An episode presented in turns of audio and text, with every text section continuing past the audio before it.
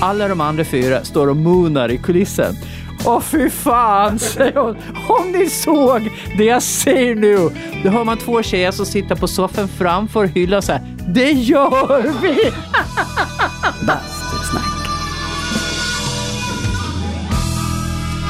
Hej och hjärtligt välkomna till det tjugonde avsnittet av Bastusnack.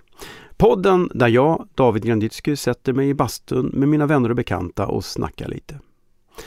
Bastusnacks huvudsponsor är även denna vecka Tylö bastu. Ett Tylö-aggregat är ju det självklara hjärtat i bastun. Jag är ju själv mycket nöjd ägare av ett Tylö Sense Sport bastuaggregat. Det är snyggt, energisnålt och det är säkert. Den flockade utsidan gör att man inte bränner sig så lätt om man råkar komma åt det. Kolla in alla aggregat på Tylös hemsida www.tylö.se och där kan du ju samtidigt också spana in den nya basturumsserien Harmony. Det färdiga basturumsättet Harmony är lösningen för dig som vill kunna basta snabbt och enkelt. Din bastu levereras i prefabricerade byggelement som enkelt monteras samman.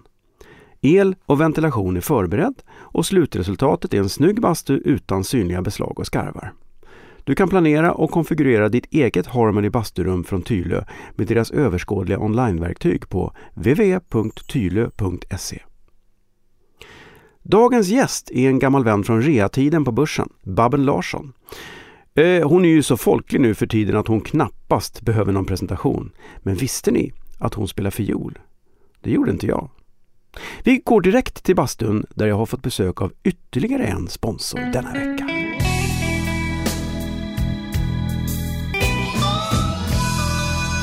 Bastusnack. Ja, eh, och det är ju så roligt den här veckan för att eh, vi har ju en spon- ytterligare en ny sponsor eh, här i Bastusnack och hon har kommit hit själv som representant med en, en check. Eh, du kanske kan presentera dig själv? Ja, det kan jag göra. Jag heter Harvor Fransson och jag är från Roma Villa Förening. Och vi har då samlat ihop för vi tänkte att vi måste starta det här. Vi tycker mycket om bastu, vi tycker om att bada och vi tycker om att starta eh, sådana här verksamheter som är bra för allmänheten. Och eh, ja, vi har då sålt kakor och vi har vävt mattor och vi har sålt fläsk och vi har även då eh, gjort sån här prostitution. Men riktig fart tog det väl när vi började med den här narkotikaförsäljningen. Det var väldigt effektivt. Eh, sen hade vi fest eh, efter allt det här, så, så där gick det ju lite avbränningar. Men eh, resten får du här och det är 156 kronor. Varsågod. Åh, vad härligt. Tack ja. så jättemycket Roma Villaförening. Jag hoppas att ni har mycket nö av podden i framtiden. Tack, tack. tack, tack. Då passar jag på att uh, hälsa välkommen uh, dagens första och faktiskt enda gäst. Barbro Viola-Karin Larsson. Mm. Mm. Tackar, tackar. Mm. Hur mår du? Jo, det är bra. Vad skönt! Hur är det själv? Tack, det är faktiskt väldigt bra. Ja. Jag, jag kom direkt på en, en fråga till dig här. Um, när vi kom in i bastun så hade jag lite kakor framme och då tyckte du, ta bort dem där, de är inte bra. Mm. Och, och då, då reflekterade jag till att jag hade en, en, eh, en kompis här förut som inte dricker alkohol och som jag, jag hade tänkt att vi skulle dricka alkoholfri öl. Men han sa att nej, det funkar inte, för jag har en uh, alkoholhjärna. Jag, mm. jag, kan inte dricka öl. Uh, du, du, om det inte, ska jag dricka öl så ska det vara riktig öl. Är det samma sak för dig med kakor? Ja, jag äter ingen lookalikes heller. Det är så? Ja. Nej, för att de triggar igång det här. Ja. Eh, insulinavsöndringen och, och de här sugen och, och allt sånt där. Så att, eh, nej, jag... Eh, det finns ju mycket sånt här som utger sig för att vara så här LCHF-godis och sånt mm. där. Jag säger nej, det funkar inte för mig. Jag, eh, jag kan inte hantera det heller. Det blir eh, en obalans i kemin i kroppen. Mm. Och bara det att jag ser en kakburk gör att jag eh, kan trigga igång på det. Så att det var därför det var så skönt att vi ställde ja. den bakom checken här. Ja, vad fint. Ja, ja, men då förstår jag det. Det mm. visste inte jag. Då ska jag komma ihåg det nästa gång jag ställer till fest. Att man får ha ett, rum, ett särskilt rum för mm. de som inte vill se inte vill se nej, tårtan och precis, ölen. Nej, ett öl och tårtrum. Vad har man i det rummet? Då? Ja. Vad kan man ha? Ett glas vatten? Nej, nej det behöver inte vara tråkigt för det. Nötter, mandlar, ja. kanske. En del äter ju frukt till exempel. Ja. Jag har ju blivit superhook på, på nötter, på såna här vad heter de? Chilinötter, Nej. Ehm, som, pistagenötter, Nej. valnötter, Nej. cashewnötter. Ja. Ja. Cashewnötter. Mm. Jag kan äta hur mycket cashewnötter som helst.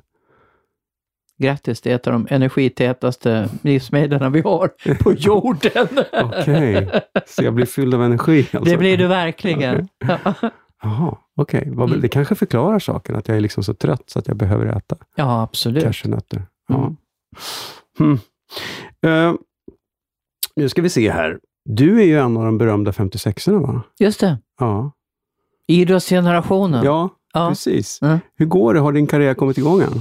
Ah, lite knackigt ännu, Det är så. men eh, man får ju inte ge upp. Nej, det är bra. Nej, men jag tror ju på dig fortfarande. Mm. Jag tror att du kan ha en, en blomstrande karriär framför dig inom, eh, jag vet inte vad man tävlar i. Sittpingis kanske. Sittpingis. är du sportintresserad? Ja, det är jag. På en äh, mästerskapsnivå kan man säga. Jag följer inga så här ligor eller smågrejer, men när det är VM, och OS och EM och så, framförallt friidrott, Mm. men även fotboll och hockeyturneringar har det nästan gått lite inflation i tycker jag. Så att där, Ja, men jag tycker det liksom är VM jämt. ja, det är VM jämt, eller sån här Kranelania Cup eller någonting. och är det inte det så... Men ibland, om Brynäs är i slutspel, så, så... Jag tittar inte på matchen, men jag kollar att de vinner. Mm. Du ser till att de vinner. Ja, det är med hjälp. Ja, jag fattar. Ja. Du fjärrhealar dem. Mm, mm, det gör jag faktiskt. Det glider vi hastigt in på ett annat ämne här, för att för 17 år sedan någonting så låg jag på sjukhus i något konstigt som ingen visste vad det var. Mm. Eh, och det var ganska jobbigt. Det var precis när vi höll på att spela första säsongen på rea. Mm. Och så minns jag att jag pratade i telefon med dig och hur är det och sådär. Och, och, eh, och så skulle du fjärrheala mig, sa du. Och jag tänkte att det där tror inte jag på, men så tänkte jag att okej, det kostar väl ingenting att testa liksom. Så att på något sätt så mådde jag bra av det ändå. Och om det var bara att jag visste att det var någon som brydde sig tillräckligt mycket för att orka fjärrheala, eller om det faktiskt funkade, det vet jag inte. Nej, inte jag heller. Jag tror inte jag har gjort den förut och inte efter heller. Jag hade ju precis gått en kurs då i reiki healing Ja, som eh, jag framförallt har använt på mig själv för att ge mig själv energi och Ja. få, liksom få mig att slappna av innan jag somnar och sådär. Det är väldigt effektivt faktiskt. Och ehm, sen har jag gjort det på andra också. Jag vet att jag gjorde det på chefen på börsen, på Allan. Mhm. Han blev ju skitsur för det fungerade. Eh, Yes. Ja, han var ju så djupt skeptisk. Han kom med någon så här jättesträckning i ryggen Ja. som jag bara la händerna på. Han bara, vad har du i handen? Jag bara, jag har inget i handen. Ja, men något har du, det är så varmt. Nej, jag lovar, jag har inget. Jag fick visa upp det. Men det blir ju det, eh, om man vet hur man gör, så blir det väldigt varmt. Och ehm, ja, så jag la på där och, och liksom höll där en stund och sen dagen efter så kom han in och han sa ingenting. Så till slut så måste jag ju fråga, hur är det med ryggen? Det är bättre, jag vill inte prata om det. Så. jag var ganska nyfrälst då, så att jag, jag Ja. hade precis gått kursen där man Ja. får lära sig fjärrhealing, så jag tänkte, Aha. här har vi ju någon där vi kan prova, Ja. men det, jag vet inte. Nej, det kan jag mycket väl vara just det här där, att, alltså. att någon, eh, just det här att någon, någon bryr sig och skickar energi kosmiskt på något sätt. Det, det kan ju räcka att man vet det. Jag tror det. Jag tror att... eh, Jag skulle aldrig utge mig för att vara en Nej. healare, det kan jag säga. Jag ska aldrig ta betalt Ja, du tog aldrig betalt för det. Nej, men det- i min värld, som är ganska så här eh, skeptikeraktig, så, så respekterar jag allt det där som folk tror på som får dem att må bra. Mm. Men när man börjar hävda saker och samtidigt ta ganska bra betalt för det, så Mm. känns det som att ja, men om jag kunde bota någons svåra sjukdom, då skulle jag nog göra det ändå. Mm. För att det är min skyldighet. Om jag Ja, har någon sorts kraft, då skulle jag inte göra annat. Eh, och kanske så småningom få ut en modest lön av landstinget. Mm. Men eh, nej, jag vet inte. Jag, blir Jag lite förstår vad du irriterad. menar. Jag Nej, men irriterad. jag, jag skulle aldrig ta betalt för det. Nej. eh, Eftersom jag inte vet vad, vad jag håller på med riktigt och inte kan garantera att det blir något resultat så skulle jag aldrig liksom utge mig för att vara en healer. Men vänta nu, det jag tycker någonstans att du jobbar ju med stand-up Mm. och då kanske du går in och vet inte vad det blir för resultat heller. Och du vet inte alltid vad du håller på med. Rigadish. Nej, det är sant. Det är, det är ingen garanti att, eh, att det blir ett bra resultat Nej. varje gång heller. Det beror på väldigt mycket parametrar faktiskt. Det beror Det- på patienten. Ja, det är ju ett ganska läskigt jobb tack Ja. vare det.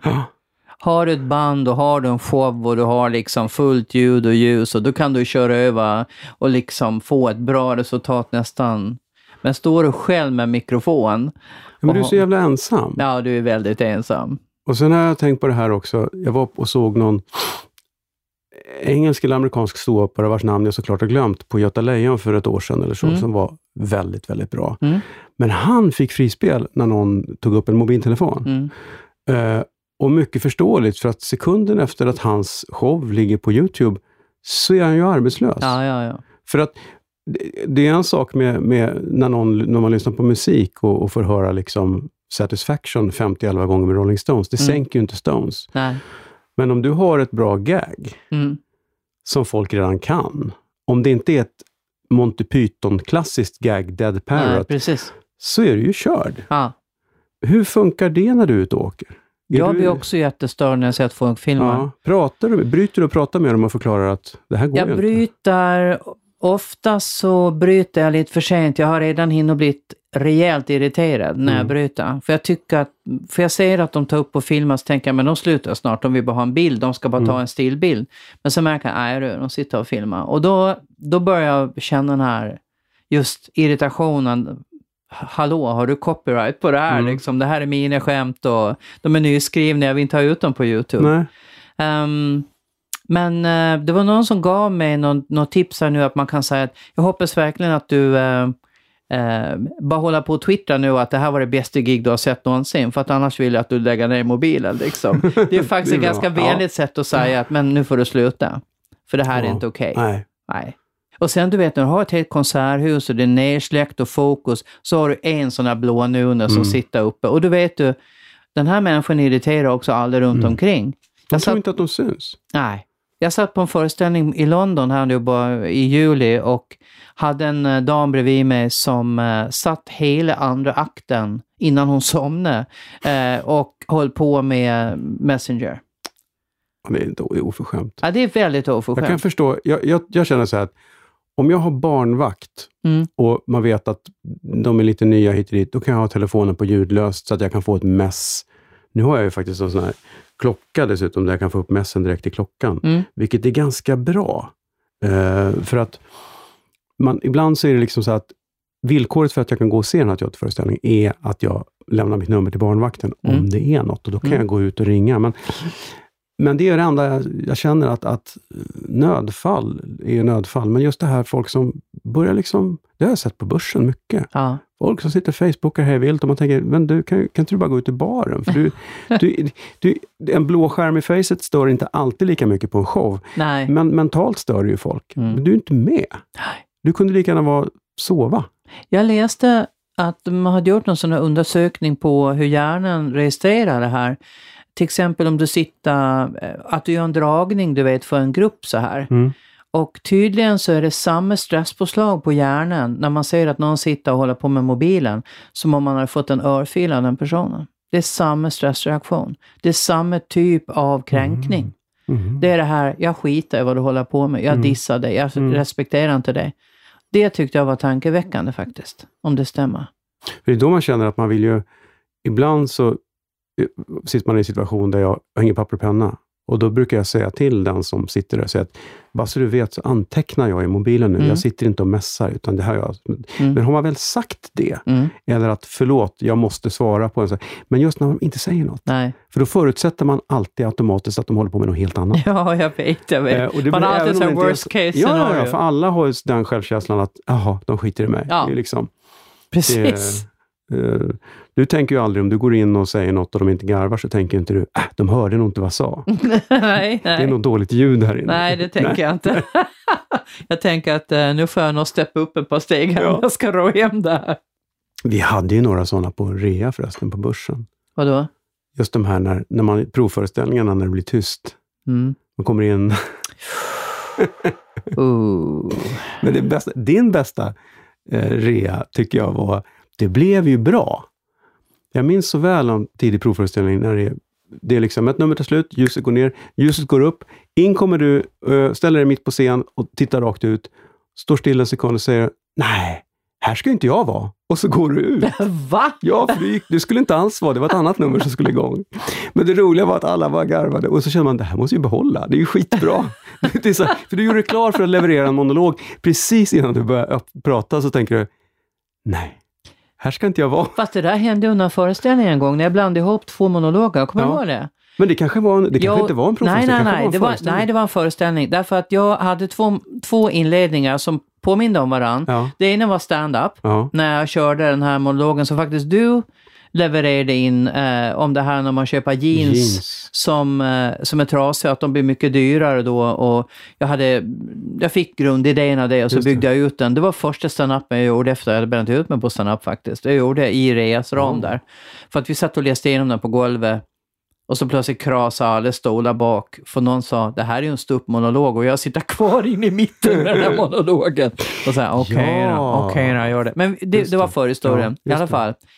Eh, så jag går in eh, med, med tio minuters mellanrum kanske. Dels så levererar den och dels så går jag in och så inleder jag en så här soffprogram där jag är Lotta Bromé. Mm. Och precis när jag går in och ska göra Lotta Bromé så kommer jag på, shit, jag har glömt att ta på mig peruken.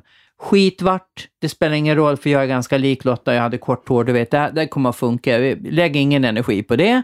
Så jag går in och sen ställer jag mig och så börjar jag prata. Jag inleder monologen, ha, hej, och bra, och du vet och allt det här.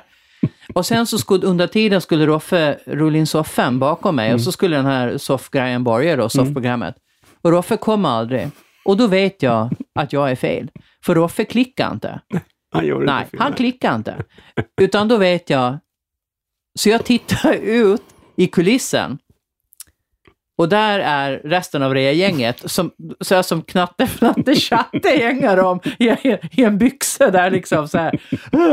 Och så säger jag, ja, det här är fel monolog, eller hur? Ja, säger jag. Så, så, så. så tittar jag på publiken så här ett ögonblick och så går jag ut, byter kavaj, kommer in igen och gör ståuppmonologen. Och, sen, och folk bara liksom, what the fuck happened?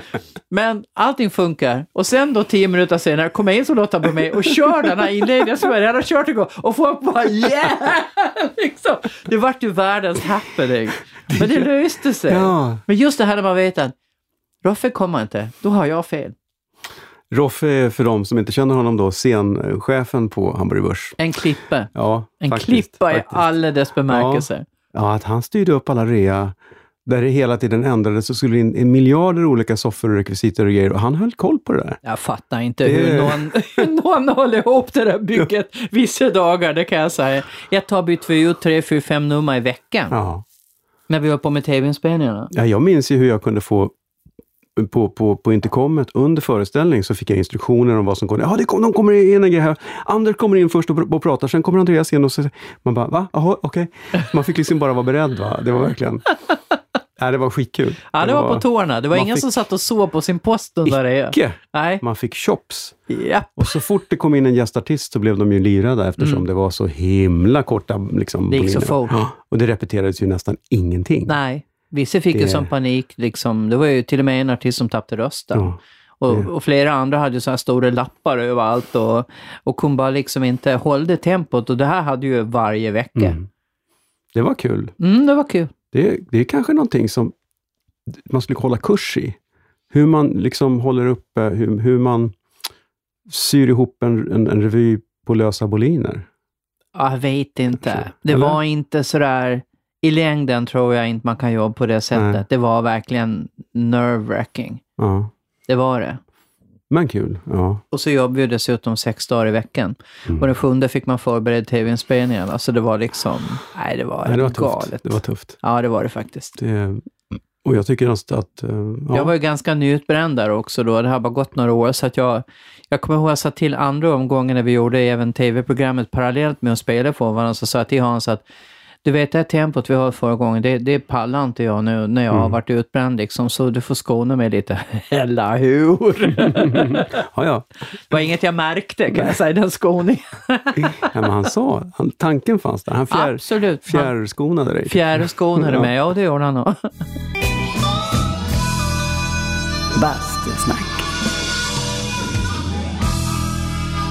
du utbildar ju folk i ståupp. Mm. Gör du det fortfarande? Ja, det händer. Och sen ibland är jag lite så här eh, mentor. Ja. Mm. Men hur är det med det? Måste man ha det här som myten om att folk är roliga privat? Vilket jag vet att man inte är, men det finns ju däremot de som går upp på en scen och blir roliga automatiskt. på Mm. något sätt. Mm. Måste man ha det? Nej, det måste du inte. Däremot måste du ha koll på hur du gör för att vara rolig. Mm. Sen resten går att fixa till ganska mycket. Sen är det ju en oerhörd fördel om du har timing. Det blir ju mycket, mycket lättare då. Humor är ju timing. Mm. Du måste ha det här svänget liksom. Men sen finns det de som är superbegåvade men som stupar på andra grejer. De har inte koll på sitt material, de kan aldrig bestämma vad de ska säga. Det, de lyckas inte få någon slags vettig ingång för publiken så att de fattar vem det är som står där och liksom ska underhålla dem eller mm, de dricker för mycket eller de kan inte sköta boken. Alltså det, det kan stupa på så många olika små saker. Ja. För att eh, oftast är de här som är riktigt arbetsamma, disciplinerade, som jobbar på i längden, så slår de ju de som är superbegåvade men, men hopplösa. Men för visst är det väl så att de absolut bästa improviserar inte så mycket som man tror? Nej, Det är väldigt, väldigt, väldigt... det är lite olika från fall till fall, men, men nej, det ska till synes vara improviserat. Ja. Det är det som är hantverket. Mm. Ja, det ska se ut som att man bara kommer på det. Mm, Man får infall. det är det svåra. Det är, jag tycker när det, det är ju nästan de som är roligast när man tänker, vad, fan, vad kom det där ifrån? Ja, just det. Och när man dessutom ser som, eh, vad heter han, eh, den galna engelska transvestiten? Eddie Izzard. ja. Vad jag gillar med Eddie Izzard är att han kommer in och till synes planlöst skämtar om Gud och allt möjligt hit och dit. Mm. Men han lyckas hela tiden plocka tillbaks, det, det, har- det jag sett i många svenska ståuppare också, jag ska inte bara liksom ge Eddie Izzard cred för det, men jag tycker så mycket om när man planterar saker och Mm. lyckas plocka, plocka tillbaks varenda liten blomma som man har Ja, planterat. Det, det är så, och, Mm. och så har man en final där man har en klo på det som är, det tycker jag är Mm. briljant. ja, det är snyggt. Men då är det ju OS-klass på ståuppen, tycker jag. Ja, det, mm, det kan jag hålla med om. Ofta Och- kommer de ju bara in och kör lite. Nej, men det finns, Ja. det finns flera våra. Schyffert är bra på det, Ja. Gardell är väldigt bra på det. Och, nej, men det finns rätt många som, eh, som lägger upp sin akt så att just att de återkopplar och, eh, och det blir så jäkla elegant liksom. Mm. Mm. Det är kul när man ser. Mm. Jag funderar på det där med stå upp, men sen kände jag att jag är nog inte riktigt den typen. Men, men eh, jag lider ju av det här tvångsskämtandet, att om jag hänger med folk, typ dig, eller med eh, Jonas Gardell, eller med alltså, roliga människor, eller Anders Lundin, så blir jag så här så att jag måste... Jag går upp i det där också Ja. och försöker liksom vara kul. Mm. Och det känns, samtidigt som det känns lite jobbigt, så är det lite kul också. ja, men, det är klart det är. men det, det betyder ju inte att man... Jag tror att det, det kan vara de som känner samma sak, men jag tror att det är en väldig skillnad på jobbet. Och, Det är klart, men sen, du har ju den kvaliteten att du har ju, eh, du har ju sett väldigt mycket underhållning. Och sen har du en egen humor och det här har ju varit en väldig tillgång tycker jag, till exempel när vi har på med rea. Du kommer med mycket lösningar och förslag på nya skämt och, och förbättringar som du såg utifrån din rutin såklart och Mm. din humor. Så att, eh, jag menar, rea-gänget var ju inte bara de fem som står på scenen. Det kan man ju inte säga. nej, det var ju Nej. teamwork. Det ja. var ju verkligen teamwork. Det kommer vara du, det kommer vara Steve på monitor, det kommer vara Roffe, det kommer vara Lotta. Alltså alla bidrog med sina bitar och gjorde att det blev ännu roligare. Mm. Jag menar om Lotta kunde göra en skitrolig kostym till en redan rolig figur Mm. så blir det ju, det blir ju plus, plus, plus liksom. Ja, eller ibland kom hon ju med en rolig kostym som man gjorde en figur till. Ja, det kunde också hända. Men hon, hon, hon var ju så bra, eller är väl bra fortfarande utgår jag från, på det här. Jag kommer ihåg till exempel, jag skulle göra Peter Harrison, så tänkte jag, ja visst, jag är ju tjock, men det är ju roligare om jag är ännu tjockare som Peter Harrison. Så jag sa till Lotta, sy upp en kostym runt en rockring. För då får man den här konformade liksom, ner till och upp till, så att och, hon- och hon gör det och, Ja. och, och i och med att det är en rockring som den här kostymen hänger på så det liksom bara svängar runt mig så Det var jättebra. Det är jätteroligt. Jag undrar, fanns, gjorde vi den på TV? Jag tror det, ja. Ska jag gå upp den? Om jag hittar den så lägger jag på, på, Okej. på Facebook-sidan en Okej. länk till den. För att den är, jag minns det, bara blotta uppenbarelsen var helt... Ja, men det är helt sjukt. Ha en sån kostym på sig. Det är ju halva figuren. Ja, ja. Det är ju Oh, ja. halva sketchen är Oh, ja. hemma liksom. Ja. Det blev genast mycket roligt. ja, det blir mycket Ja, roligare. det, Det, är inte det, alltså, lyteskomik är ju trots allt väldigt roligt. Det får man tyvärr Ja, inte sticka under ja, stol med. Och nej. man får ju bjuda på det själv när man, som jag också ibland blir smedad och säger ja men det är okej, det, det, du vet, man får, det är kul, det är bara så. Men är det alltid kul? Jag menar, det, för du har ju skämtat om det, men det måste ju finnas en gräns där man känner att okej, kan vi sluta tjata om det här nu? Jo, men det kan, väl, det kan jag väl absolut tycka. Det, det finns väl vissa som alltid råkar ut för Anna Bok tycker jag är en sån person, Ja. som alla använder som en slags skämtmaskin. Det är sånt Mm. garanterat skratt. Man Ja. nämner hennes namn och säger någonting om att hon gråter, att Mm. hon är, har varit tjock och nu är hon smal, eller nu är hon i tidningen och nu har hennes mage det och det. Och du vet hur det här. Och Anna såklart har ju varit en, en offentlig figur länge och har också inte haft så mycket musikalisk karriär kanske de senaste liksom, antalet år, men haft en massa annat som har gjort att hon ändå har varit kvar i rampljuset och till slut så blir hon någon slags driftkoko som Mm. är allmän. Men där tycker jag, där känner jag liksom att, nej men, du vet, Mm. alltså hit någon ny känner jag. Mm. Det blir, Jag blir ju lite kluven också när det handlar om folk som är som jättegärna söker media. Jag, jag hade länge någon sorts teori som, den, och den, den höll till ganska, inte för så många år sedan, att om du en gång har bjudit in slaskpressen mm, så kommer du också få massa smockor tillbaks. Alltså om du har gjort hemma hos-reportage, om du har Mm. sålt ditt bröllop, eller om du har liksom ringt dem hela tiden, mm, då kommer du förr eller senare få skit tillbaks. Att, att, men de här eh, offentliga personerna i, i nöjesbranschen som håller låg profil, som inte går, som knappt går på premiärer, som, de råkar mycket sällan ut för det här, för de har Mm. aldrig visat upp ett exhibitionistiskt drag i att se mig, jag måste stå i tidningen, utan när de har något att säga, då säger de det. mm. Men nu känner jag att de sista tio åren kanske har det där drivit lite snett. Och, och nu tycker jag att andra får, det- nu, nu, får även så att säga folk med låg profil käftsmällar också. Mm, Så att ehm, tyvärr mm. har det gått åt det hållet. Har du, få, har du, klar, har du fått sådana där mediala... De, de, är väl ganska snälla mot dig? Va? De är ganska snälla. Det är en kvällstidning jag är väldigt förtjust i, att försöka framställa en som sjuk hela tiden. Mm. Väldigt mycket av deras artiklar är ju då att eh, svåra sjukdom, eh, Mm. du vet, eh, deprimerad, si och så, och tar upp liksom gärna då gamla grejer och gör nya artiklar på det och sådär. Det, det tycker jag tycker lite jag kallar det för att bli kikifierad, att till slut blir man mer Mm. känd för att man har Mm. eh, problem än att man faktiskt är duktig på det man gör. Mm. Eh, sen har jag haft några drev efter mig, men det har varit självförvållat. Jag har inte varit tillräckligt eh, noggrann när jag har skämtat. Ja, Och, ja, det är ju eh, svårt. Och ett svårt då, jobb. då, Ja, eh, mm. då, är det ju, då får man bara backa och säga, nej men det här blev fel. Mm. Eh, det här blev inte min eh, intention här, kom inte fram, Nej. utan det blev fel och det, det liksom... Och då får man backa. Det, det är jobbigt och det tar några dagar innan man inser att man är ett arsel, men sen är det bara att krypa till korset och säga att ah, men jag, jag faktiskt fattar nu att jag var ett arsel och eh, det vill jag inte vara. Men det är ju lite en del av yrket att balansera på gränsen, för det, det, det är ju så otroligt roligt när man ligger precis på den där gränsen. Mm, Det är så, och så kliver man över så blir det plumpt. mm. Men lyckas man hålla sig på rätt sida så är det ju oftast sådär. Det är Ja. då man bara... Ja, men sen ibland fattar man inte heller att man kanske har sparken neråt. Det, mm, Ibland har jag haft sån här period att från att ha varit puttrat runt i lite sådär mellankändisskap och så kanske jag plötsligt är programledare och tar på TV och då tänker inte jag på att nej, men nu mm, hamnar jag i ett annat segment här och plötsligt så blir det många fler som kan eh, uppfatta att jag sparkar neråt. mm, Eh, så att det är läxor, mm. så är det ju. Ja, du syns ju mycket mer periodvis. Ja, så är det. Hur är det när du åker till Gotland? Hur, hur tar du dig dit utan att råka ut för folk som undrar vilken by du ska till? Hela tiden. Eh, Du För får mest, ha egen eh, båt liksom. Nej, nej, så jäkla eh, hemskt är det inte. Nej, men jag är ganska bra på att gömma mig. Jag Ja. smyger upp och sätter mig i min bilstol om jag har bilen med mig då, Ja. och åker över med bil.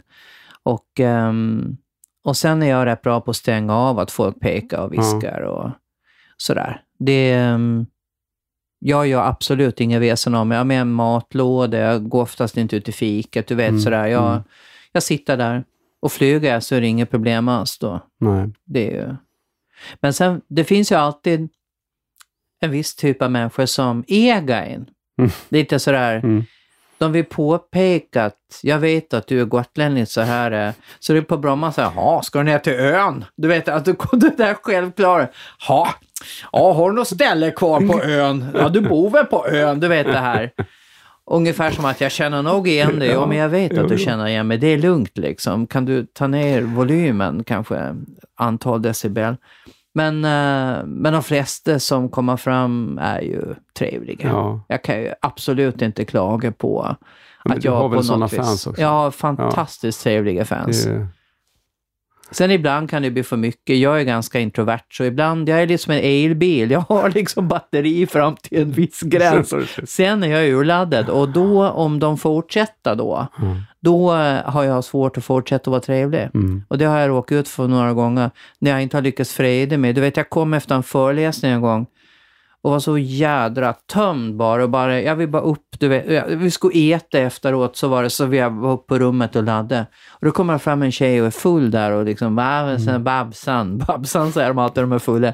Och så håller hon i mig i kläderna. Babsan har ju rosa hår. Jag vet. Och så stod hon och hålla i mig. Så här. Och jag bara, släpp liksom. Så, och då kände jag liksom att jag ganska snabbt blev... Alltså du vet, du åker ner i reptilhjärnan. Du, du orkar liksom inte. Jag hade inte reserven. Batteriet var slut. Jag behövde mat och, och, och undanskymd liksom. Då har du också den här offentlig person-grejen att ja, om du nu blir förbannad Ja, här, det går då inte. kommer det, åh, då är det någon annan och så är det någon som fotar och filmar Ja, och sen är det ute. ja precis. ju, uff. Ja, men det, är ju, det, det där är ju en revsax. Det Mm. gäller ju att, att känna när det här börjar komma och försöka dra sig undan. Men Mm. här, här hade jag bara kommit hem på mitt hotell och skulle liksom sitta ner och få lite lugn och ro. Och så precis feltajmet kommer den här tjejen och hon ger sig inte. Och det, ja, det, var, ja, det är tufft. Då är det tufft tycker jag. Mm. När, eh, när man går på den här yttersta reservkraften. Mm. Ja, men det har nog de flesta upplevt som är i din sits. Ja, det tror jag med. Det tror jag med. Mm. Bastusnack.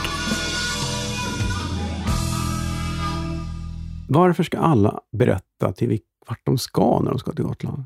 Om man åker norrut eller söderut så är man... Det är så här, vart ska du? Vad har du hus? Jaha, det är liksom norr om... Det. Varför är det? Har det blivit en... Vad är det med det? Jag vet inte. Ska du till Endre? Nej, jag ska till... Du vet.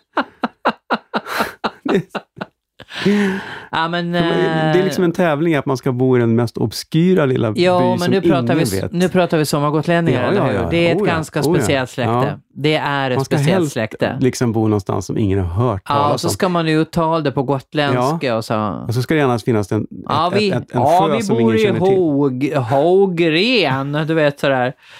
Jag vet inte vad det där är, men det, det är ju en enorm vilja att smälta in kan Ja. man ju säga och bli accepterade som nästan gotlänningar, fast de vet att det tar egentligen fem generationer. För det är ju ingen som ska till Österlen som, som säger att de ska till Skurup, som i och för sig inte ligger på Österlen, men ändå. Det? Nej, fast nog säger de att de ska till Österlen en del också. Ja, men inte på skånska. Nej, det gör de Det är inte. det jag menar. Nej. Jag ska till Brösas backar. Ja. Ska till Simrishamn. Nej, det är sant. Nej. Nej, det, det är... Man ska åka eh, till Mora i sommar. Det, det hör nej, man ju liksom nej, men jag tror det är tacksamt också. Det, Ja, det är och det är också dialekt. lite det här att eh, Ja, vi har lärt känna nu eh, en gotländsk snickare här, Allan. Ja. Han kommer här och tar bort stomlar. Du vet sådär, man börjar liksom Ja. blanda in. Han har grusat våra kvejar. Alltså, det är en väldigt charmig dialekt. Jag gillar gotländska. Nej, nej. nej, nej, nej. Det var någon som sa till mig att det bästa gotländska uttrycket det är jo, nej. Ja. Ja, nej. Vill du ha en kopp kaffe? Ja, nej. Vad fan ska du ha en kaffe? Det betyder trug lite till. Ja, ja. Du ska alltid uh, tacka nej tre gånger. Ja, nej. Det, det, första gången jag sa, vill du ha kaffe? Ja, nej, gå inte, nej. Ska du inte ha en kopp då? Nej, gå inte med kaffe till mina, det är rakt onödigt. Är du storbjuden? Ja, nej, då kan jag ta en kopp då. storbjuden, det är verkligen sådär, vadå, är du mallig Ja, det är liksom? man fan Jaha, inte. duger det inte? Nej. Storbjuden. Och då, då, då viker man ner sig. Då, Okej. au. Ja. Man vill ju ha kaffe i tiden, men det, ju, det kan man ju inte skylta med hur Nej. som helst. Det här lantliga, eh, gammaldags, långsammare Sverige, eller vad man ska säga, det, lever det kvar mer på Gotland? Att det tar jättelång tid innan man fa- liksom blir accepterad av lokalbefolkningen, enligt myten, om man Mm. har köpt ett hus där hit och dit. Jag köper jag ett hus i Leksand, det är det ingen jävel som bryr sig om jag kommer från Leksand eller inte. Men på Gotland är det viktigt att man har en, någon sorts identitet och att det görs på ett visst sätt. Ja, det Att kanske man att det är behandlar lite lokalbefolkningen på ett mer... visst sätt. Det kan ju vara mer bara för att det är en ö. Jag kan tänka mig att det är likadant på Seskarö eller på Orust eller Mm. just det här att eh, man har hållit sig lite för sig själv och så kommer det in andra och då vill man granska dem lite Mm. innan man liksom bara köper dem rätt av. Det finns ju en lite sund skepsis i det där kan jag tycka samtidigt. Men eh, jag vet inte riktigt. Eh, jag tycker alla provinser när du kommer långt ut Mm. så finns lite det här att man kollar lite. Men hur funkar det med, med mm, flyktingar på Gotland och rasism och sånt? Är det, Skåne är ju ökänt, men Mm. hur är det på Gotland? Det, det är lite olika var de hamnar, men till exempel i Fårösund har de ju gjort en sån här fantastisk insats. För de, de insåg plötsligt att vi kommer att få så mycket flyktingar hit så att de kommer att dominera hela samhället. Så de tog tjuren vid hornen och verkligen satte igång med integrationsarbetet.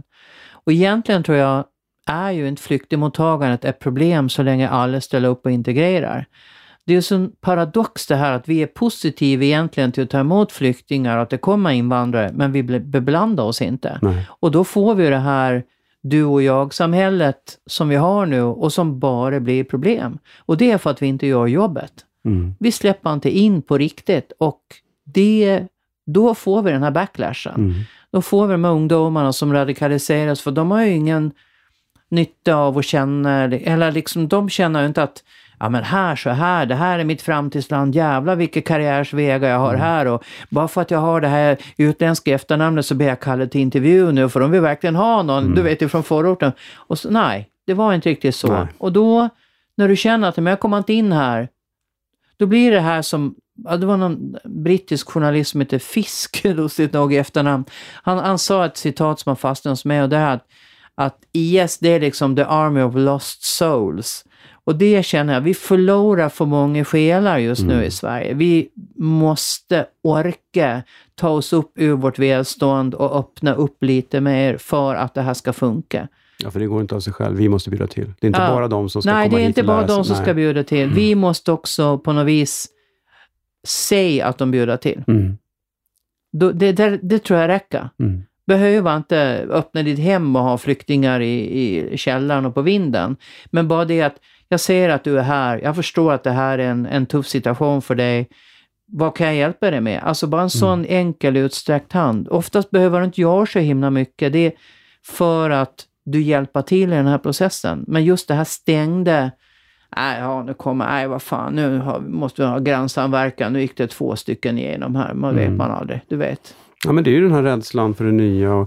Min, min fru är med i någonting mm, som heter Friends någonting, som är där man blir ihopparad med någon nyanländ efter intresse Mm. och eh, familjeförhållanden och allting. Vilket gör är att, för, för, för någonstans är det ju ganska självklart att man, åk, man liksom åker och träffar någon som just har kommit hit, men de är ju en helt annan människa. De kanske gillar Tommy Steele och du gillar Elvis. Typ. Mm. Nej, men här parar de ihop det och det var, hon har varit ute och, och fikat med någon tjej som har liknande förhållanden som vi, små tvillingar och som allting. Och de gör inget, de liksom promenerar lite och fikar lite och det ger ju de båda så himla mycket Mm. för att man blir kompis med någon. Ja. Eftersom det, det tog lång tid, för det är tydligen, det, de är ganska noga med att para folk. Men mer sånt, Mm. känner jag. Mm. Mer sånt. Mm. Det, men du är inte engagerad i det, du är ju engagerad så himla mycket. Du är engagerad i, i, i några sådana flyktingfrågor också, eller? Jag är i alla fall engagerad i eh, stadsbrukskåren som gör en massa ideellt då och försöka samla in pengar och stötta projekt för kvinnor och flickor i Storstockholm. Det står liksom i stadgarna då. Mm. Och då har Cecil Wien som ju är chef på tidningen Chef. Chef, chef, ja. Ja, hon hade dragit igång ett projekt för ensamkommande flickor från Afghanistan som har det ganska tufft här i Sverige. De är ju inte alls assimilerade med killarna i Afghanistan, men här går de i samma klasser och de är ganska utsatta kan jag säga. Mm. Jag träffade bland annat en tjej som verkligen vill plugga och göra karriär här i Sverige. Hon har ännu inte fått sitt uppehållstillstånd som så många andra. Hon går ensam i en klass med bara afghanska killar. Och det Oj. är ingen Det är lek tufft. alltså. Det är tufft. Och jag var där och träffade dem på, på redaktionen då, där de, dit de kommer och får läxhjälp och får träffa olika av oss, bland annat som är med i stadsbrukskåren och så, en gång i veckan. Och då pratade jag lite om det här med självförtroende och självkänsla och sånt där som jag föreläser om också. Och så fick alla berätta vad de var bra på, för alla är ju bra på någonting. Och alla var så här, ja men jag, ju, jag kan ju faktiskt franska och du vet, de var från Eritrea och sådär. Och, ja men jag kan baka, jag kan laga mat, jag är skitbra på matte. Och så var det en tjej så här, nej jag är inte bra på någonting, du vet så här. Hon var också från Eritrea. Och sen går det bara en minut och så bara hon sitta och gråta. Alltså hon, det här spräckte hennes försvar totalt. Att hon skulle få känna att hon faktiskt var bra på någonting och att hon var värd, du vet det här. Alltså, och alla de här tjejerna känner man, de var precis på gränsen till närsammanbrott. Alla gick och väntade på intervju hos Migrationsverket. Ska jag få stanna? Och när du har träffat dem så här face to face och pratar med dem, då blir du engagerad. Då, då är det inte bara ensamkommande afghaner i största allmänhet. Du har träffat dem, de tillhör religiösa minoriteter. De har, många av dem har inte ens växt upp i Afghanistan, de har flyttat redan tidigare. Och de kommer att bli förföljda om de skickas tillbaka och kanske inte ens har släkt kvar. Och ehm, ja, jag hoppas på att Migrationsverket orkar sätta sig in i varje enskilt fall och, Mm. och göra bedömningar och säga. Eh, för vissa av de här, det är ju tyvärr hög självmordsstatistik bland de här som går och väntar och nu tar det ju sån tid att få asyl också.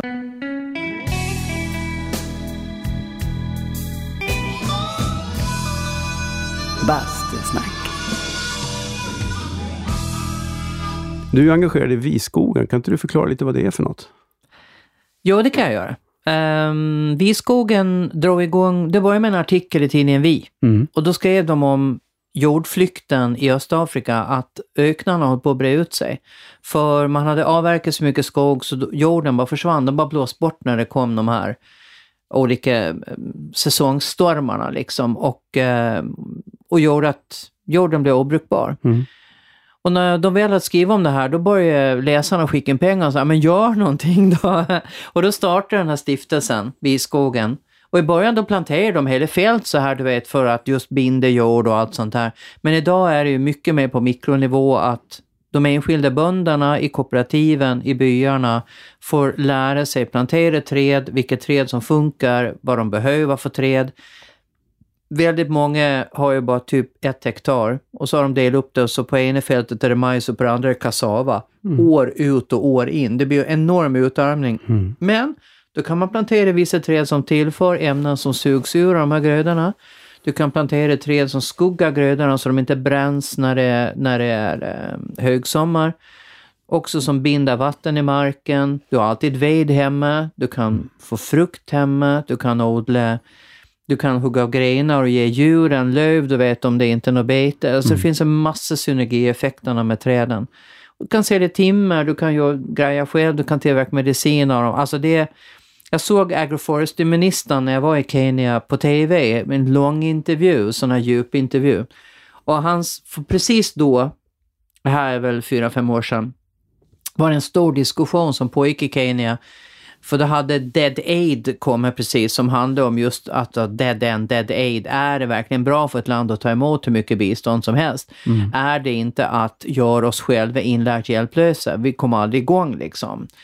Men då sa den här agroforestry-ministern att är det det här, just med agroforestry, att man blanda in skogsbruk i jordbruket och det finns bara positivt. Det finns ingen baksida av det alls. Det var så otroligt kul att höra att han liksom verkligen så här, alla är vinnare. Precis alla är vinnare. Och um, jag, jag var i Afrika då först några gånger, mm, tio år sedan första gången kanske. Och jag hade redan innan tagit kontakt med Vitskogen och sagt ni borde ha ambassadörer. Och jag hade skänkt rätt mycket till Vitskogen genom åren, så jag tänkte när jag ändå är där nere i Östafrika, jag ska ha studiebesök. Mm. Så då åkte jag på eget bevåg och, och bekostnad eh, iväg då och fick ett studiebesök och ut och hälsa på bönder och titta på hur det fungerar och fick en massa information. Så fortsatte jag att bearbeta ledningen hem i Sverige. Men det tog några år innan det fäste, de bytte lite folk, de hade en stor omorganisation, du vet det är mycket sånt där som låg i vägen. Men så plötsligt bara så lossnade det. Och sen så blir vi ju då ett litet gäng som blir ambassadörer och som känner att vi kan göra en massa nytta och vi har även, eh, några av oss varit nere och tittat då på eh, nya studiebesök och fått lära oss ännu mer. Men grejen, det är ju det vi gör här i Sverige tycker jag. Att vi gör galor, att vi samlar in pengar och att vi talar om att det här finns och det är faktiskt ett projekt som fungerar. Mm. Det, jag, jag känner bara, Det är jättekul att det går så bra. mm, det, ni drog in jättemycket på den här galan. Ja, vi hade en gala nyss på Göta Lejon och så satt det folk på 38 biografer runt om i Sverige och såg det samtidigt som direktsändning. Ja. Och tydligen går den även som konsertfilm vidare nu på vissa biografer. Häftigt. Så det fortsätter att rulla in pengar. Bara på plats, de som satt i salongen, swishade in en halv miljon. Det är helt sjukt. Wow, det är jävligt bra. Det är väldigt bra. Mm. Blir det något över till skogen också eller tar ni all? all? Vi fick, ehm, vi fick eh, lite träd, för, jag tror vi fick Ja. träd för 2000 kronor var i Mm. betalt, Ja, som planteras i Östafrika. Ja, det är bra. Det är ju skitbra gage. Ja, faktiskt. Och ibland också när det är sådana här små ideella föreningar och pensionärsföreningar, kan du inte komma och prata, kan du inte komma och göra det här? Vi har inte så mycket pengar. Nej, men sätt in 1500 spänn på Viskogen. Det är ja, det är ju för att det, det är det de kan betala och du vet, Mm. då kan jag ta gaget någon annanstans och så blir de också lite medvetna om att Viskogen finns och så, Ja. du vet, så att på Ja, det, bra. sättet så... Spread the word. Men, mm. ja, ambassadörer, bra. Ja, Bra det, är, grej. det är en jättebra grej. Så Bra jag är så glad att det blev det- så, att det blev ett ambassadörsprogram och att vi är bra på att också jobba med det, tycker jag. Tycker vi är lite duktiga. Har ni fått några bidrag från Roma Villaägarförening? Eh, 156 kronor. Ja, det är så. Nej, de har ju sådana enorma parken. Ja, är Så de, de partajar ju bort allting de får in. de är ju hopplösa. Ja, Men vi måste berätta om bakgrunden till Roma Villaförening. ja, Kommer du kan jag. ihåg det? Det var en insamlingsgala, sketch om en insamlingsgala va? Eller, Ja. nej, jag minns inte riktigt. Så här var det. Mm. Vi hade två sketcher. Ja. Den ena var Joe Labero, där jag kom in i, i någon slags mantel och gjorde en massa taffliga trollerikonster och Mm. kallade mig för Babelero. Just det. Ja. Mm. Och det var ett jobbigt nummer. Jag bara tyckte jag stod och skrek och jag fick aldrig riktigt någon bra koll på det här numret. Samtidigt så hade vi en insamlingsgala i en annan sketch där Sissela kom in med en check och skulle göra en sån här dam som hade samlat in pengar. Mm. Och hon tyckte inte att den, hon fick ingen riktig knorre på den figuren. Nej. Och så satt vi där i logen, vi delade loge och sa han då, ska vi inte byta? Kan inte du göra Labero så gör jag tanten?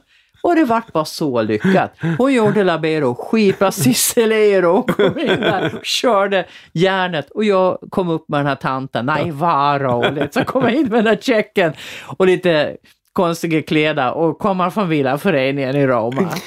Och det var ett sånt lyckat byte och det var också rea i sin prydnad tycker jag, det här när man, men du, jag kan göra den där om du har lust Ja. att göra den här. Jag menar, det spelar ingen roll vem som gör vad. Det viktigaste är att showen Ja. vi sätter på fötter blir ultimat liksom.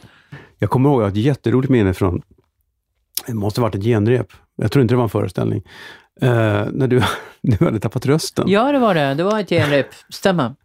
Och Hans Marklund står i kulissen och läser alla dina repliker och du mimar. Ja. Och det hysteriska är att Hans har ju lite så här fotografiskt minne, han kommer ihåg saker hela tiden. Ja. Vilket gjorde att han satte ju dina repliker som du gör, Ja. vilket gjorde att det synkade. Det var hysteriskt roligt! Det var... Ja. Men det är någonting jag minns från rea också. Det var att man fick inte vara sjuk.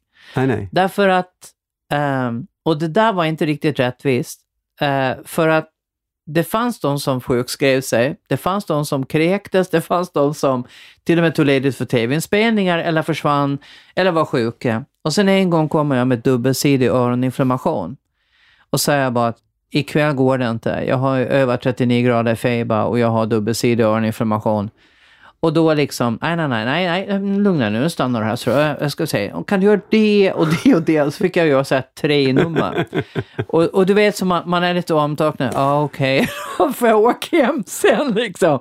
Och sen skulle du sätta på mig det här headsetet, du vet det här stela eh, ja. countryman-sättet. Och det bara lägga sig och direkt på öronen. Jag kommer ihåg att jag grät. Det gjort så ont, du vet, jag bara så här, men det här är ju inte sant liksom. Hur fasen ska det här gå? Men det gick ju. Ja. På något jävla vis gick det. Men efter det här har jag bestämt mig för att jag ska inte spela när jag har 39 grader feber. Det är jättedumt. Men det roliga var att när vi firade 400 shower, mm. då kom det in en massa öl i logen och vi firade och sådär. Och sen säger alla, fast det är bara två här som har gjort 400 föreställningar. Och det var jag och Esbjörn på gitarr. Vi hade gjort alla mm. giggen. Mm. Alla andra hade haft sjukfrånvaro eller vick någon mm, gång mm. liksom, så kände jag så här, yes, då är jag väl lite stolt. jag är ju inte, jag brukar inte ställa det, det ska vara jäkligt illa alltså, men, eh, men det, när man spelar så länge ja. så, så, är det ju, förr eller senare så är man ju sjuk. Man bygger ju upp det där också. Det är egentligen bättre att ställa en, för risken är att man får ställa tre mm. sen. Men den hösten, eh. efter det här att jag tappade mm. rösten, så var jag sjuka hela hösten. Mm. Lite förhöjd feber, lite förkyld, lite hosta. Blev aldrig bra. Och vi fick först en kur, så hjälpte inte den. Janne blev frisk, han fick en starkare kur. Av någon anledning så ville inte läkaren ge oss lika stark penicillin. Så gick vi dit och så ville han ge mig en ny kur av samma medicin och sa på vad sätt tror du att det här ska liksom hjälpa andra gången när det inte hjälpte första gången? Jag tyckte han var oseriös. Ja. Han kastade på mig en massa astmamedicin och grejer. Du vet, han ville bara liksom... Ja. Och, och kortison och jag bara, ja men det här blir jag inte frisk av. Men i alla fall, eh, så vi gick hela hösten. Och så tänkte vi, julen, nu vilar vi upp oss liksom. Och så sågs vi igen i januari, så tittade jag på Susie. Är du frisk? Hon bara skakade på huvudet. Och du, du då? Så, nej. Men vi, fram i februari någonstans mm. så hade vi eh, lekt ut det där. Mm. Det, det, var en tuff höst alltså. Vi mm. var krassliga hela hösten. Men... Jag minns ändå att med Rea var ju så att det hände ju någon gång att det faktiskt var någon som, det gick inte. Nej, Janne kom en gång och hade maginfluensa. Ja, och bara och satt här, liksom. Det funkar inte. Nej, det jag roliga kan spela. Med... Och vi bara, nej, nej åk hem, hem, för vi vill inte ha den här influensan också. Bara, bara åk hem, vi löser det liksom. Ja, han ramlade igenom sonografin en gång och höll på att slå ihjäl sig också. Ja, ja då var du med Nej, kanske. det var inte jag med. Jag var ju på ett genomdrag strax före premiären. Ja. Och det var, så, det var så roligt. Vi hade, det var en basist som hette Thomas Blindberg, tror jag det var. Ja, nu får jag väl en mobb mot mig om jag har fel, men jag har för mig att han var ny i mm, gänget. Mm, mm. Och det var mycket att lära sig och han hade äntligen lärt sig giget och åh, nu har han kommit in i det här. Och sen så händer det här tre dagar före premiär. Janne rasar genom en trappa och knäcker revben och allting och det finns inte på kartan att han ska vara med över premiären. Nej.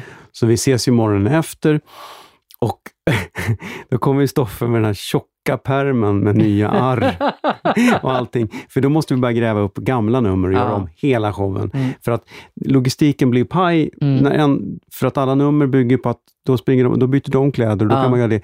Så vi var tvungna att plocka upp miljarder gamla nummer, bland annat något sånt här Sussi-nummer där hon sjunger är det jazzsångerskan ja, ja. som byter hela tiden? Där liksom ja. Bara den låten är så 12 sidor. Det är Fly Me To The Moon på 20 sätt, eller hur?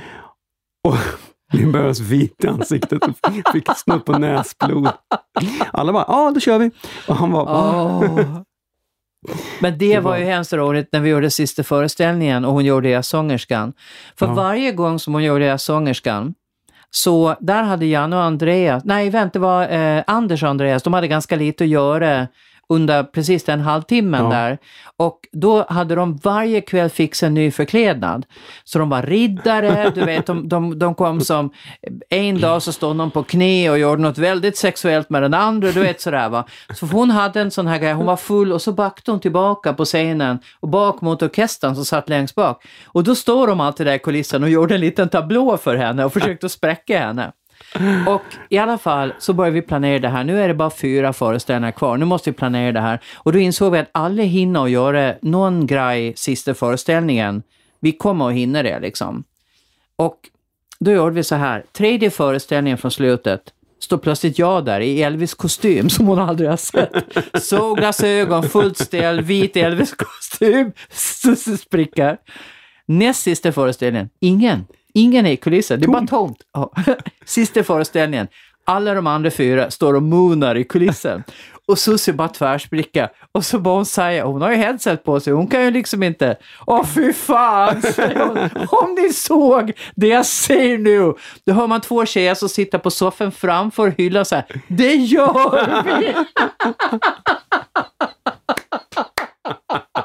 De såg ju rätt in i kulissen. Där stod fyra rumpar uppvända. Vet du. Åh, vad roligt.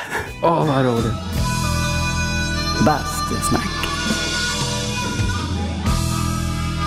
Nästa fråga jag inte svara på. Jag känner på mig det. Nu kommer det. Ja. Ja, berätt. Du har så många hattar, och då menar jag inte rent bokstavligt, men du är sångare, du är ståuppare, du är revyaktris, du är skådespelare, du är föreläsare, du är hundtränare, du är, jobbar med... Alltså, du gör ju så väldigt mycket olika saker.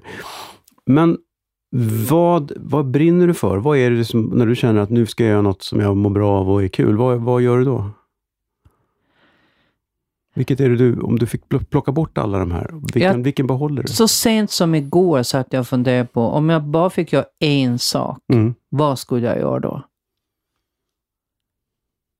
Och jag tror att jag skulle välja musiken faktiskt. Mm. För där har jag så mycket kvar att utveckla. För jag tycker att stupen har jag tagit kanske till den höjd, jag har inte så himla mycket mer att ge uppe mot taket där liksom. Jag har föreläst väldigt, väldigt mycket, Mm. nästan 25 år. Men musiken, då har jag så många grejer jag skulle vilja ta tag i. Jag skulle koncept med ett år bara och lära mig spela piano ordentligt så att jag kan få ut all musik jag har i huvudet och skriva egna låtar till Mm. exempel som är lite mer avancerade än säg Gay och Day liksom. Mm. Uh, utveckla sången, uh, gigga mycket mer med storband och med min kvintett och bli bättre sångerska överhuvudtaget. Bara, bara lägga... Jag tror inte att jag skulle tröttna på det. Men det känns lite som att det du söker är utmaningar. Mm. Att, att det här du redan kan är inte så intressant. Om Nej. Jag märker att det funkar och att det, Ja. det funkar bra med publiken. Det är roligt när jag gör det. Ehm, men, nej, men så är det nog. Blandningen och utmaningarna, så är det. Du, jag tycker det är skitkul att du går från programledare för ett stort eh, tv-program och sen ger du ut och turnerar och ger dig fan på att du ska åka till orter du aldrig varit i. Mm. Och hitta de här, och då vet jag ändå, jag har sett den här Sverigekartan du har, där du har markerat var du har varit och det, man ser ju knappt Ja, skogen den är- längre för alla. Ja, liksom. Den är ganska pepprig. Ja. Ja. Men du lyckades bra med det va? Mm.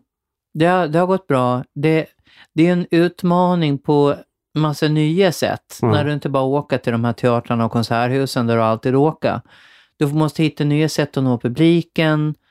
Det räcker inte kanske med en annons i korren liksom, Nej. utan du måste kanske gå med i en massa Facebookgrupper och kanske jobba mycket mer gräsrotsnära.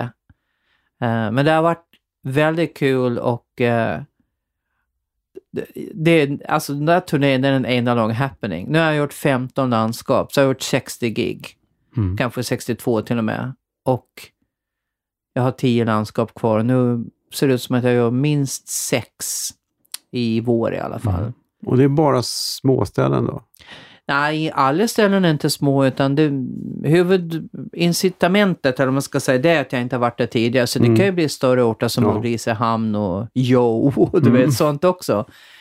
Um, Holmsund utanför Umeå är inget litet ställe Nej. egentligen och sådär. Så att, ehm, nej, det är bara det att jag ska inte ha varit där förut. Kul. Ja, det är faktiskt väldigt, väldigt, Väldigt kul. kul. Ja, Hur kom du på det?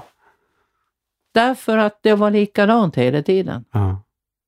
Och när jag var ute med Vad hände-turnén, som först gick på Rival och sen skulle den upp på turné. Ja, vi var på Liseberg emellan också, teatern där. Då skulle vi som vanligt åka till konsert och kongress och som vanligt åka Mm. till Malmö konserthus och så ska vi in i Växjö konserthus och då kommer jag ihåg att det fanns inte en enda kväll i det där. För alla åker samma tradar.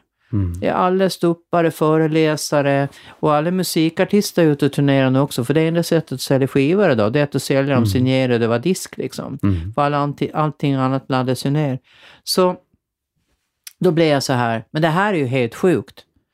utanför Växjö, några mil, så är det ju någon stor lokal på 500 pers, liksom, Folkets hus, där ingen åker. Mm. Nu ska jag leta upp dem. Så föddes idén. Bra. Och sen är det ju också, jag menar har du ett namn som jag har, då kan du göra en sån här grej. Heter du liksom Lennart Ulfsson och ingen vet vad Nej. du håller på med, då funkar det inte.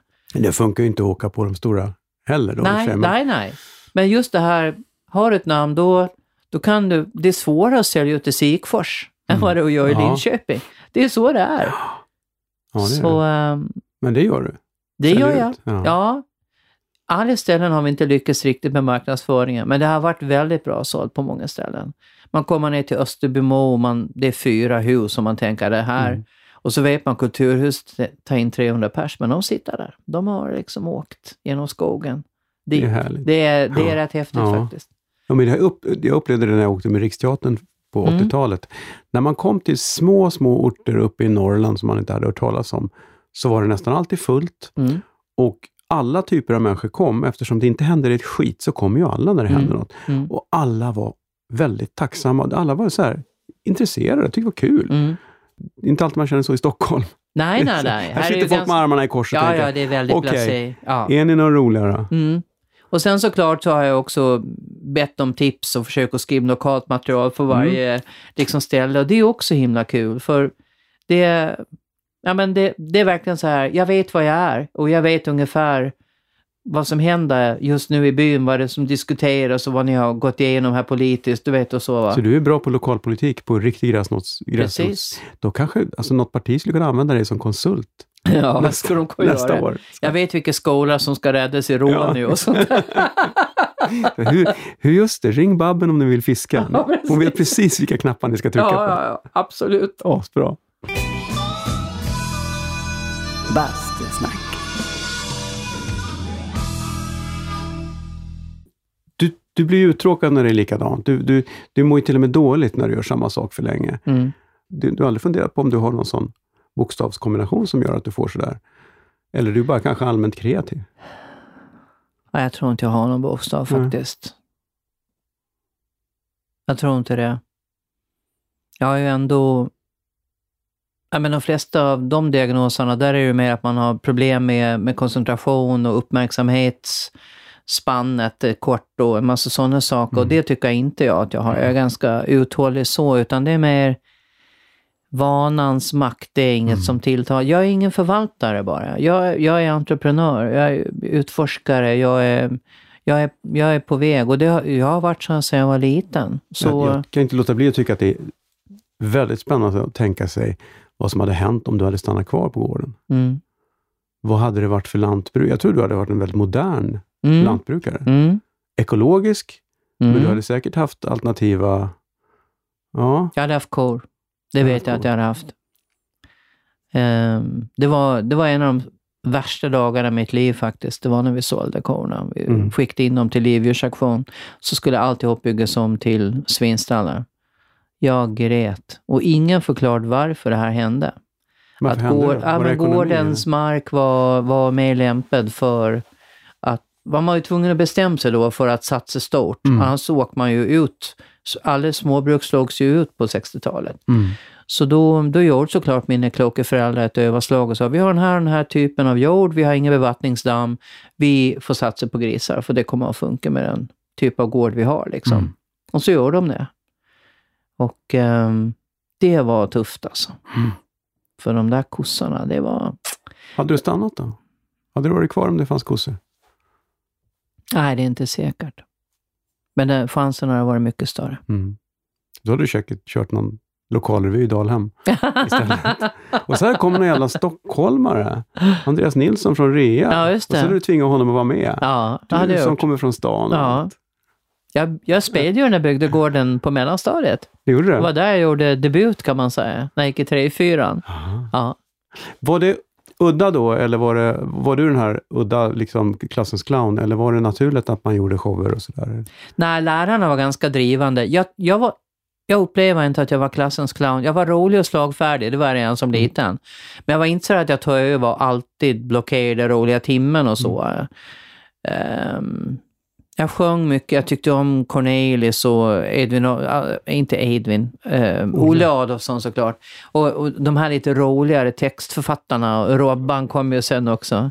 Och sen lärde jag mig att spela gitarr själv sådär och, och eh, jag spelade fiol då i skolans regi och sjöng i barnkör och Det har sådär. jag aldrig så hört dig spela fiol. Men gläd dig människa, för att eh, det tog slut efter tio år och av en bra anledning. Men det är ju ett, Det blev aldrig bra, men det var bra för det övde upp mitt gehör och min Ja. musikalitet och lärde mig att läsa nota. Så hur mycket nytta har inte jag haft av det sen? Jag kan ju läsa musik. Det är ju, ja, det är ju fantastiskt. ja, det är ju, det är, ju- det, det är ju verkligen ett språk och jag är så glad. Men kom det, hade du det hemifrån på något vis? Dina föräldrar, Nej, höll de på med någonting? Nej. Tyckte de att du var konstig som höll på med det här eller var de... Eller var de det, tyckte nog jag var konstig överhuvudtaget. Jag, jag, jag var lite udda, det var jag. Jag var lite för mycket. Jag slog i glastaket ganska tidigt, det är min upplevelse. Mm. Och sen var det ett, en lång strid att försöka få växa och att de försökte, um, framförallt min, ja, den ene föräldern. Men, ehm, men det gjorde mig stark också. Mm. Jag, jag fick en väldig kraft av det, att jag hade det här motståndet när jag var liten. Det var lite sådär, måste uppträda på bingon, måste vara med i Tilläns talanger. Mm. Det här, det här är... Men då fick du ju det bevisat att ja, det måste du. Mm, det måste Jag fick det rådet från min mamma som är skådis eh, någon gång när jag var 17, 18 och tänkte så här, jag kanske ska söka scenskolan för det här fixar jag väl. Och då sa hon att du ska inte bli skådespelare om du inte måste. Nej. Och det betyder ju liksom att ja, det verkar vara kul ja, fast det här yrket är sånt att om du inte gör det för att du måste så är det ingen idé. Nej. För att du kommer inte ha en chans. För att alla andra som gör det för att de måste kommer att vara så mycket konkurrenskraftigare. Mm. Och det Eh, kände jag redan på scenskolan. Jag blev Ja. så glad när jag kom in och kände att yes, här är ju min flock då, som Ja. jag inte riktigt hade hittat på Gotland. Och så kom jag in på scenskolan och så efter bara ett halvår kände jag, nej, nej, så det här är inte min flock. Alltså. Nej, jag brinner mycket mer för underhållningen, musiken, än de här människorna, de lever och sover och äter och dör för teater. Det gör inte jag. Men jag fick ju lära mig väldigt mycket, men, men jag tror jag fatt ganska per omgående att det är, det är rätt, men det är inte klockrent. Mm. Det är scen, det är... Det, ja, ja, Det är jävligt svårt att veta med tanke på framförallt då så var det inte så många andra utbildningar att välja på. nej. Nu och jag var ju så ung och jag ja. hade inte spelat teater innan. Jag hade ju Nej. mest gjort lite sådana kabaréer och lite roliga grejer, liksom spexet, du vet, på gymnasiet och sånt där. Jag var ju helt rookie egentligen. Men det är ju fantastiskt att du kom in. Ja, det är helt vad, vad, vad otroligt. sökte du med? Jag sökte med, när jag kom in sökte jag med eh, Marie Davids ur Till badarnas natt, hennes monolog när hon är lite full och minns tillbaka. Och sen, ehm, jag vet att jag sökte med Slavomir Mrotzek, eh, Den fetes valtal, de är på Villande hav där, de är ju eh, så här absurd liksom, sådär. Eh, och det förde mig nästan till sista provet första gången jag sökte, att det provet blev så bra. Men sen var det de här tillvalen, man fick göra någon Molière här och lite Medea där och lite så då. Men det är häftigt ändå. Ja, det är jättehäftigt. Jag var hade det första hjälp. gången du sökte då? Nej, jag kom in andra gången. Ja. Jag kom till sista provet första gången, vilket bara det var en sån Ja. enorm framgång. Ja. Så jag gick ut och firade med de som hade kommit in på Vasahov. jag visste jag fattade ju inte att jag skulle vara deprimerad. Det var ingen som hade Nej, sagt. Det är jättefint. Ja. Fan, vilken bra inställning. ja, ja. Jag tyckte det var så kul att träffa de här härliga människorna. Bastusnack. Du startade ju ett band också vet jag, minst ett åtminstone. Mm. Och, jag tyckte det var ett sånt bra namn, men nu har jag ju glömt bort det också. Vad hette ni? Tre med Pentry. Trea med Pantry. Mm. Hur fan kom ni på det? En kille heter Per Segerlund och han kallades Pentry. Och han var egentligen ordinarie gitarrist i Urban Sleke. Jaha.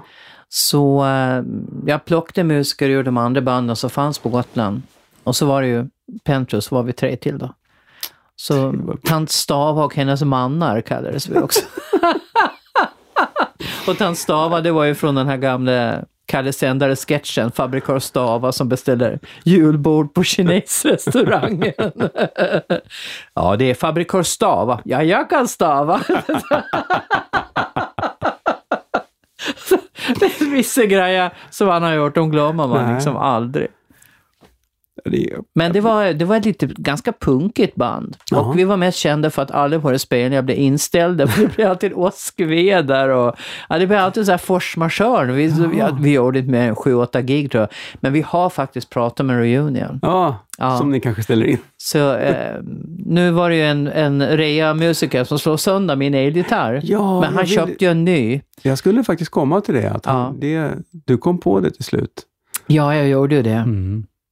Han hade ju dåligt samvete länge tydligen. Den hängde bara där på börsen. Det var ju mitt fel. Jag kunde ju ha kollat den. Men den var rekvisita, någon sketch va? Ja, det var det. Och sen Ja, var det någon det- fest och plötsligt så kom någon på att de var rockstjärna. Mm. Och drog den i en dörrkarm. och det klarade sa vi- inte. nej. och så, ja, vi kom ju fram till, för ingen ville ju erkänna vem det var. Sen Nej. så, så gjorde vi lite detektivarbete och sen var det ju en annan bandmedlem som golade ner dem. Mm, mm, mm. Och, men jag minns särskilt när du kom ganska nära in på den här händelsen. När den här personen, han mådde ju så dåligt va, att han, han kom- du har ju Babbels gitarr. Var det? Fan, han trodde det var rekvisita. Ja. Och han kände, helvete, helvete, du, alltså, du måste ju snacka med henne.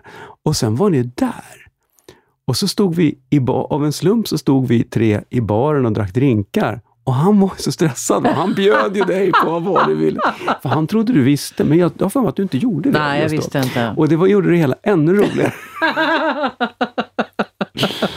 ja, men du fick en ny gitarr. Jag fick en ny gitarr. Men fick du en Hondo, var det inte en Hondo? En Takeharo hade Takeharo. jag. Nej, han gav mig en riktig strata. Min var en strata-kopia. Ja, en Takaharo. Mm, men faktum är att jag har swappat tillbaka till en Takeharo. Har du? Ja, det har jag gjort. Har du hittat en Takaharo? Ja, jag hittade en på Blocket så att jag har faktiskt eh, för jag kände att det ska vara en Takeharo. Så Ska det vara så ska det- förlåt du Fuck som Fender. gav mig den fina Fendern, men jag har faktiskt swappat den mot en, Ah. en Strata-kopia igen. Bytte du rakt av då? Nej, det gjorde jag inte, Nej. men jag gjorde mig av med den andra gitarren efter då, så att Ah. det blev ett byte Här där. kommer det fram.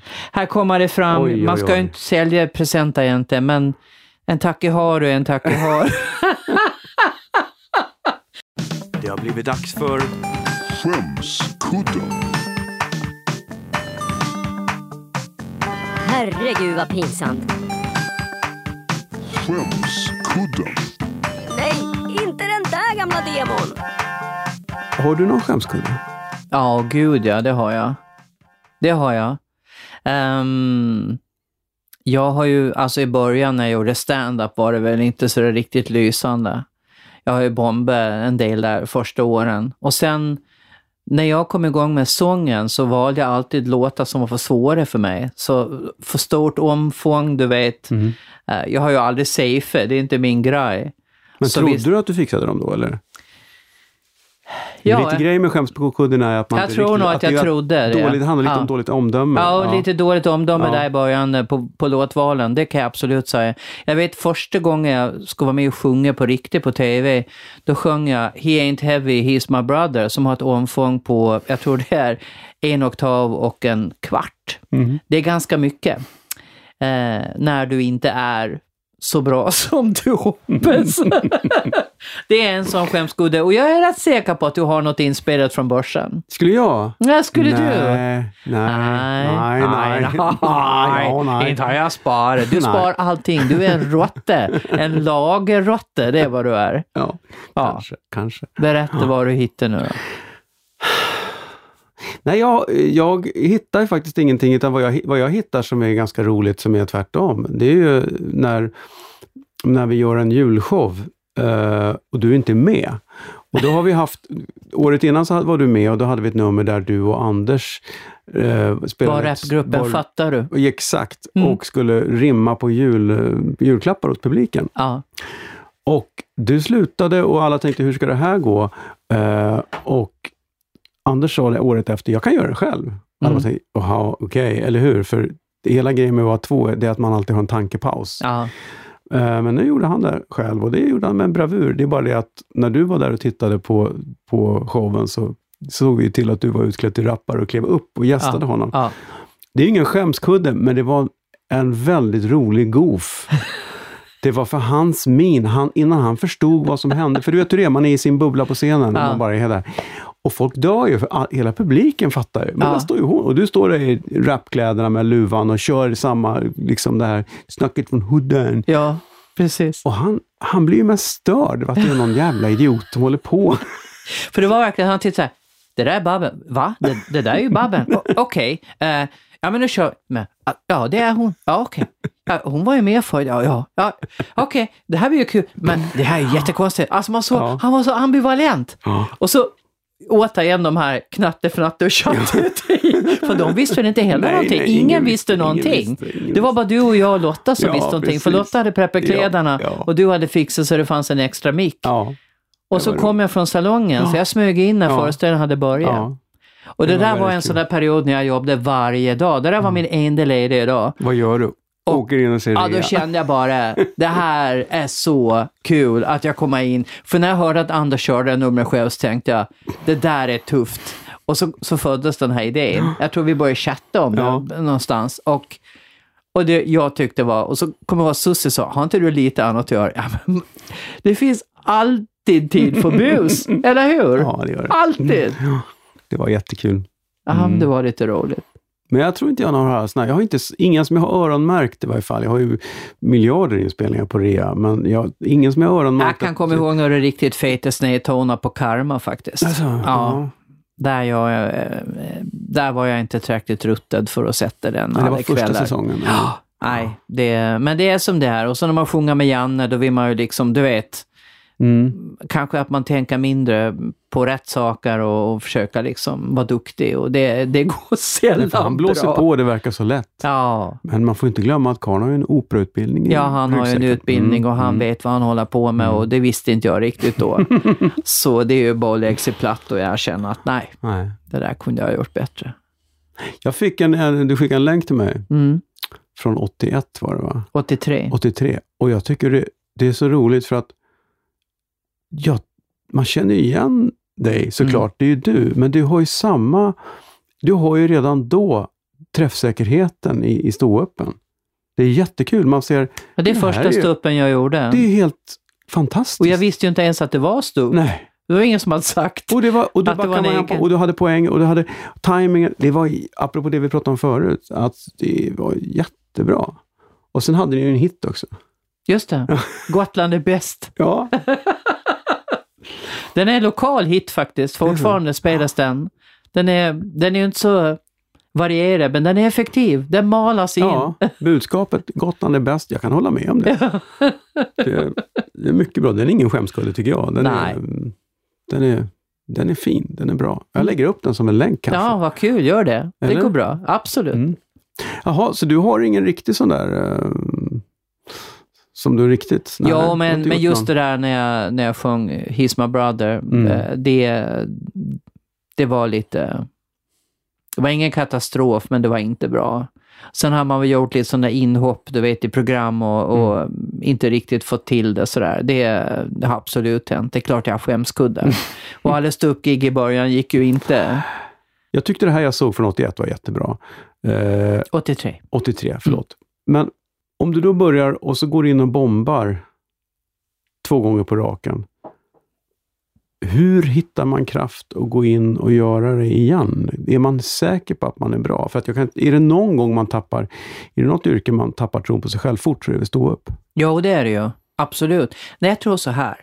Jag hade gjort de här showerna, jag gjorde fyra shower, fyra år i rad, skrev en ny varje år. Ja. Och i varje år hade jag stand-up med. Hade även rap med, det var ju också helt nytt och jag var sådär verkligen i framkant. Lite kul. Eh, och hade väl lite luft under vingarna där, så att när jag fick frågan om jag ville testa den här nya genren då, som kom 88, stand-up, Mm. och läste om den så tänkte jag, det här har jag ju redan gjort, det här vet jag hur man gör, det här vill jag verkligen testa. Jag var ju så trött på teater efter åtta år. Och um, åka upp till Umeå och göra min premiär. Och det gick inte jättebra, men det gick tillräckligt bra. För då kände jag, om jag bara håller i här nu och utvecklar det här, då kan det här bli min grej. Jag kände så tydligt att här fanns den här energin jag hade letat efter, den här snabbheten, lättheten. Jag fick underhålla, jag fick vara mig själv, jag behövde inte spela någon roll, jag fick prata direkt med publiken. Allt det här som jag verkligen suktade efter. Och det gjorde också att jag överlevde de här bombningarna som jag gjorde i början, för jag kände att men jag vet att bara jag jobbar på, åka hem, spela upp den här videorullen som jag har gjort av gigget i huvudet och analyserar och titta på det utifrån, det där, där missade jag det, det där måste jag göra tydligare, det där håller inte, det tar vi bort. Och tack vare att jag har den här också analytiska förmågan tror jag, och också ganska bra självförtroende tror jag, att jag hade ifrån de här soloshowarna, Mm. så tänkte jag, men det här ser du, det är bit i nu. Det kommer att vara buckligt i början, men det kom, alltså det här kan bli, jag kände Kul. ganska per omgående. Kul. Att ja, men det är min- kul. Ja, man vet kanske i magen när man är rätt Mm. ute. Men det är roligt att det känns som att det krävdes att du skulle veta att det fanns en genre för att du Mm. skulle... Ja, det visste jag ju inte. Annars, det var inte så att du skulle gjort det ändå, men jaha, det är det det kallas. Ja. Men då kan jag göra det. Ja. Det är roligt. Det var lite roligt. Ja. Annars hade jag kanske fortsatt att göra shower just och så blanda in stand-up i dem. Jag blandade ju då egna låtar, låtar, skrev text till kända andra låtar, figurer och stand-up. Var Ja, det. gör du ju nu också. Ja. Typ. Fast det blir mindre och mindre andra figurer, det blir mer och mer du. va? Ja, jag tycker inte jag är så bra på att snickra andra figurer. Jag tycker, för mig är det lättast när jag är mig själv på något sätt. Så tycker jag. Bastusnack. Nej, jag kände mig lite svettig i pannan. Eh, Jag tror att det är 14 grader i sjön idag. Mm. Är du klar att hoppa i? Om du hoppar så hoppar jag. Let's go! Ja. Okej, tack för Bomben. idag. Ja, lätt! Bastusnack. Babben Larsson. Det ska erkännas att min skånska jag försökte mig på i snacket lät eh, lite mer som småländska. Jag ber alla skåningar om ursäkt. På Bastusnacks Facebook-sida kommer jag lägga upp länkar eh, till Kalle Sändares eh, Fabrikör Stava som vi pratade om och eventuellt den lilla filmen med, från Babbens show eh, 1983 och eh, kanske lite annat smått och gott. Och sen vill jag ju förstås tacka veckans sponsor Roma Villaförening. Vilket insamlingsjobb ni gjorde! 256 spänn. Kanon! Veckans huvudsponsor är Tylö bastu. Gå in på www.tylö.se och kolla in deras nya serie Harmony basturum. Det finns mängder av kombinationer. Prova själv att bygga din egen bastu virtuellt med det smarta webbverktyget på hemsidan. Eller beställ en bastukilt. Grymt smart produkt för oss som är trötta på handdukar som halkar ner. Bastukilten sitter kvar. Tack till Tylö för att ni är med och sponsrar Bastusnack. Vi hörs igen nästa vecka. Gå gärna in på iTunes och skriv en recension om du gillar podden. Det hjälper mig att synas i mängden. Till nästa vecka, basta försiktigt!